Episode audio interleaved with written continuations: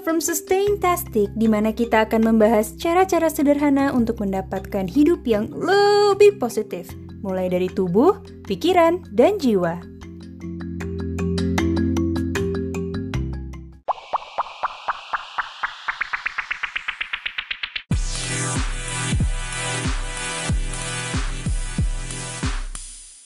Assalamualaikum, halo, selamat datang di Sustaintastic dengan aku Nindi. Di episode kali ini, aku akan bahas tentang masalah yang pernah terjadi atau bahkan sering terjadi dengan pikiran kita. Otak kita adalah organ dengan kemampuan yang luar biasa. Gak cuma mengatur jalannya sistem dalam tubuh kita aja, tapi juga berpengaruh terhadap produktivitas kita. Dan berapa kali kita tuh melakukan banyak hal dalam suatu waktu.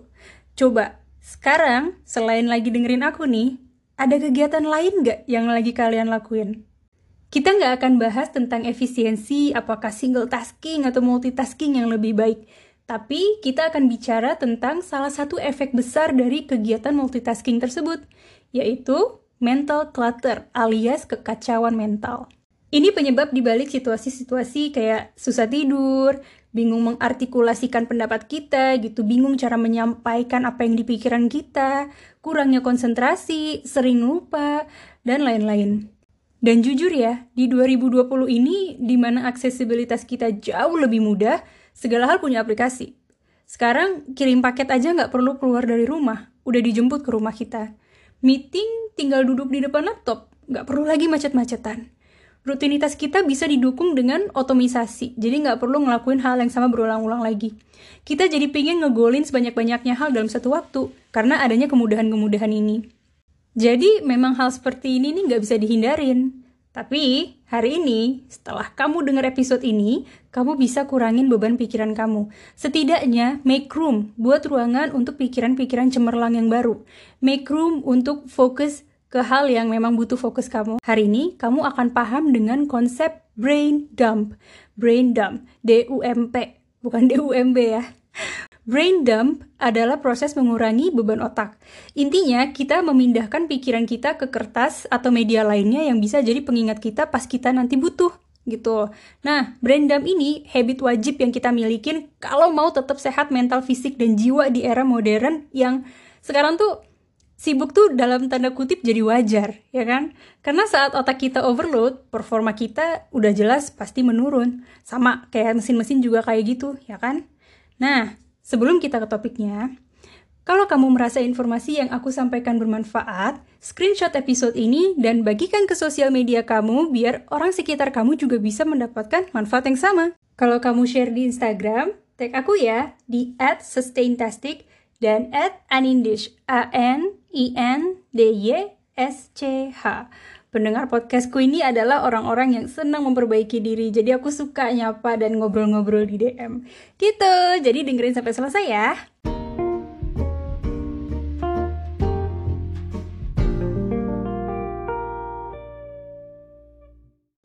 Sekarang ini, komputer dan handphone kita udah punya sistem yang bisa ngebersihin trash bin kita setelah 30 hari atau mm, beberapa hari tergantung settingan defaultnya si sistem tersebut gitu tapi tidak dengan otak kita. Kenangan lama aja masih bisa membekas kan, dan kalau dipancing sedikit aja bisa mempengaruhi emosi kita. Bahkan pengalaman masa kecil kita itu masih sangat uh, menjadi faktor besar yang mempengaruhi perilaku dan persepsi kita saat ini.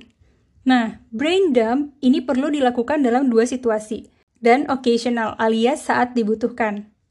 Rutinnya ini bagusnya setiap pagi sebelum kita memulai hari, memulai aktivitas. Ada baiknya kita unloading dulu pikiran kita biar kita bisa siap menerima informasi baru dan fokus kita lebih tajam.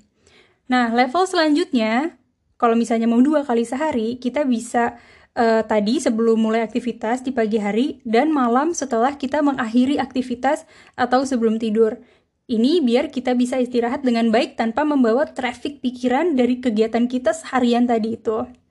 Nah, di waktu lain, saat kita lagi nggak bisa fokus melakukan suatu pekerjaan, jadi misalnya external distractionnya nih atau faktor pengacau fokus kita yang dari luar udah kita atasi. Udah pakai headset nih misalnya soal ruangannya berisik gitu. Atau udah pindah ke ruangan lain yang lebih sepi. Tapi kok masih nggak bisa fokus ya? Hmm, Mungkin ada faktor internal yang mengganggu kamu. Apakah itu revisiting the past, teringat masa lalu, atau khawatir akan sesuatu di depan, atau ya mungkin memang pikirannya juga yang lagi nggak terorganisir.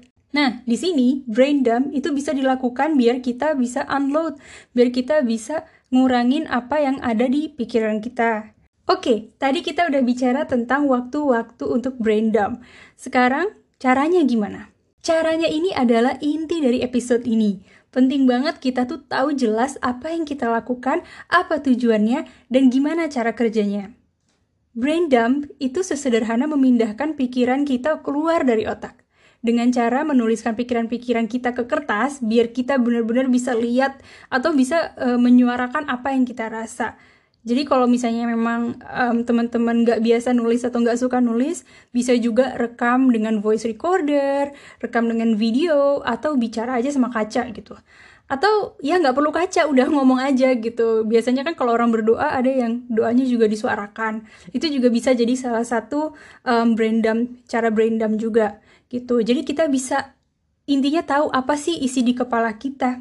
Karena kalau nggak kita ekspresiin apa yang di kepala kita, that thing yang mengganggu kita itu tuh bisa makin besar, makin besar, makin besar. Padahal kalau udah dituangin ke kertas, itu tuh nggak sebesar apa yang selama ini kita sadarin gitu. Tapi ada seninya, dan ini tergantung dengan kebutuhan kita saat itu. Aku akan sebutin tiga cara. Jadi ada tiga seni dalam melakukan brain dump ini. Dan cara yang ketiga nanti, ini cara yang benar-benar baru banget aku temuin dan paling unik menurut aku. Jadi tetap fokus dengerin tiga cara brain dump ini, karena ini bisa merubah persepsi kamu. Yang pertama, kita sebagai orang pertama. Cara ini bagus untuk kamu kalau lagi rendah motivasi, kamu lagi down karena perkataan atau tuduhan orang lain, kamu lagi nggak percaya diri, pokoknya kamu bener-bener lagi butuh uh, dongkrakan semangat gitu, dongkrakan motivasi. Caranya adalah bicara ke diri sendiri sebagai orang pertama. Contoh, aku tahu apa yang aku lakuin, dan meski belum berhasil, aku yakin suatu saat pasti berhasil. Atau contoh kedua, banyak orang yang bergantung sama aku. Aku harus bangkit. Intinya kita tuh meyakinkan diri sendiri atas sesuatu. Apakah itu motivasi, inspirasi, semangat, gairah, apa pun yang kamu butuhin saat itu. Jadi bicara sama diri sendiri dengan kata uh, orang pertama aku, aku atau nama kamu sendiri sebut. Cara yang kedua, kita sebagai orang kedua. Kalau status emosi kita lagi down banget banget banget banget, cara pertama mungkin akan sulit untuk kita lakuin. Nah, cara kedua ini yang bisa membantu kita kalau lagi down to the max. Cara ini dikenal dengan metode self-coaching. Sadar nggak kita tuh kalau misalnya ngasih nasihat ke orang, bisa tiba-tiba jadi konsultan, jadi penasihat, atau jadi terapi psikolog yang baik gitu. Tapi ke diri sendiri, itu ceritanya beda. Nah, di saat kita ada di titik rendah, kita cenderung mendengarkan omongan orang lain daripada isi hati sendiri.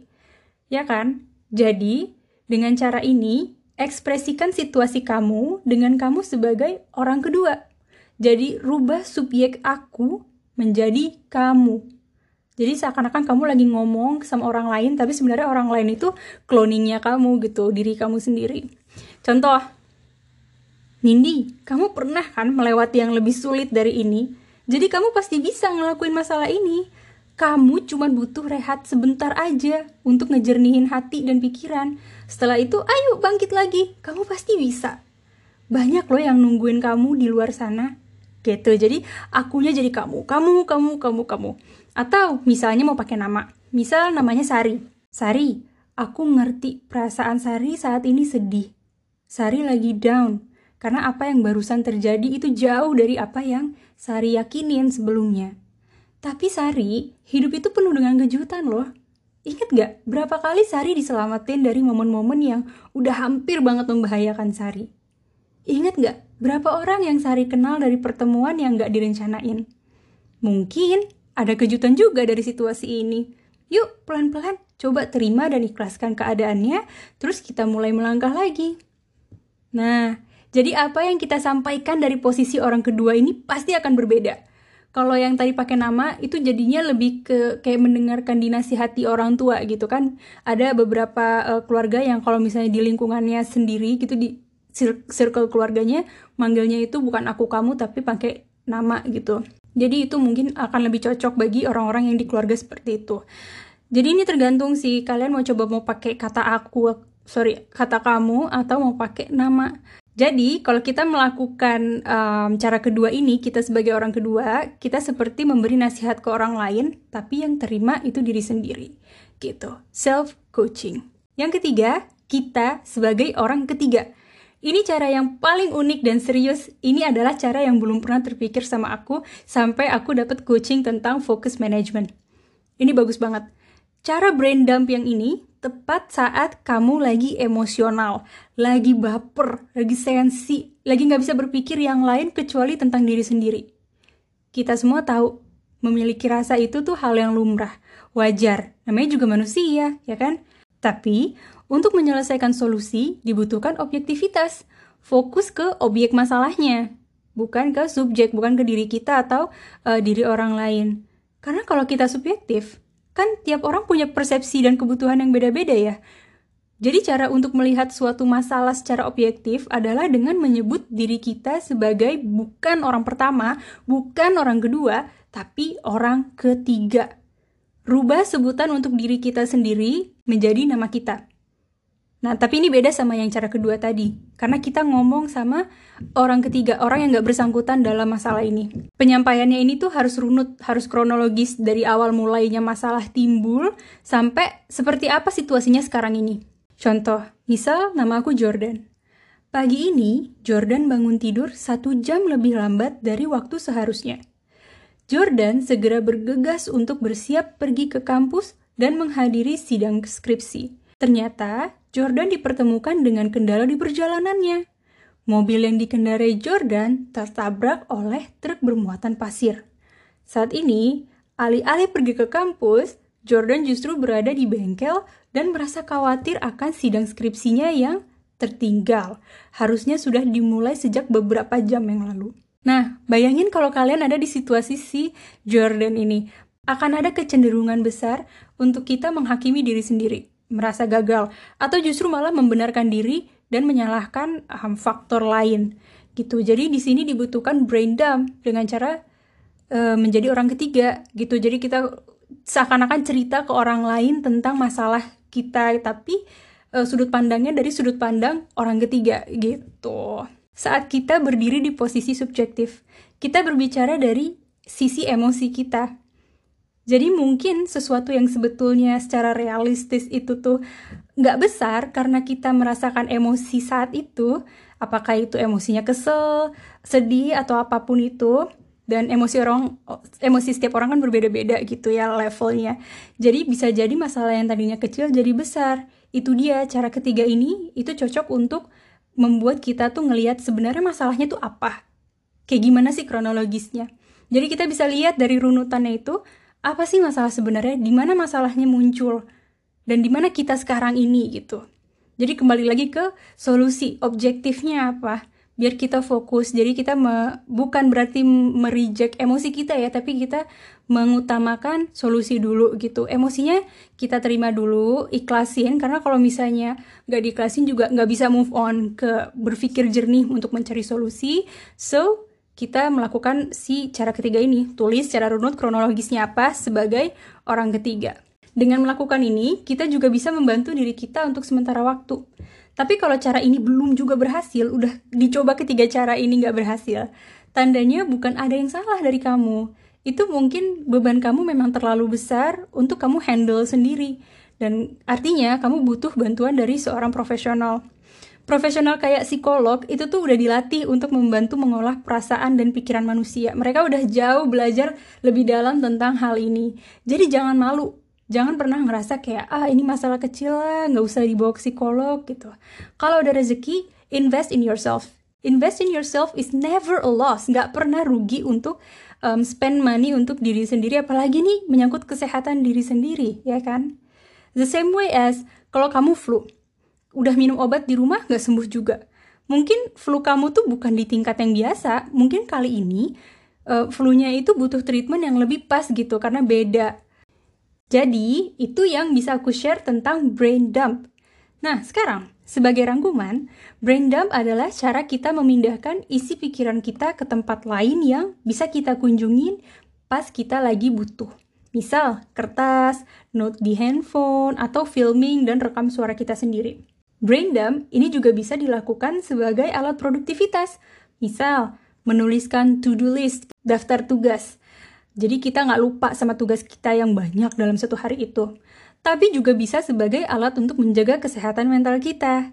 Nah, brain dump sebaiknya dilakukan secara rutin, sebelum dan sesudah beraktivitas, dan saat adanya kebutuhan untuk unloading atau meringankan beban kepala. Ada tiga metode dalam penulisan atau pengekspresian isi pikiran kita. Yang pertama, kita sebagai orang pertama. Ini bagus untuk memotivasi diri dan menambah rasa percaya diri.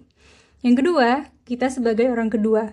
Ini yang tadi kita bahas tentang metode self-coaching. Yang ketiga, kita sebagai orang ketiga. Ini bagus untuk membantu kita dalam melihat objek suatu masalah. Semoga dengan apa yang kamu dengar hari ini bisa membantu kamu mengolah pikiran dan jiwa kamu lebih baik lagi. Kalau kamu punya pendapat lain tentang cara mengurangi beban pikiran atau ada pengalaman sendiri tentang hal ini, yuk kita obrolin lagi di DM at Sustaintastic atau aku di at Anindish. Thank you for listening and have a wonderful rest of your day. Assalamualaikum warahmatullahi wabarakatuh. And that's my gift for you today. Terima kasih ya udah mendengarkan Sustaintastic. Follow Sustaintastic untuk tips-tips powerful yang bisa mengingatkan kita untuk terus menjaga gaya hidup sehat. Sustaintastic ada di Spotify, Google Podcast, Apple Podcast, dan RSS Feed. Oh iya, ngobrol yuk. Langsung sapa aku ya di Instagram at anindish. A-N I-N-D-Y-S-C-H. I'll talk to you there soon. Bye!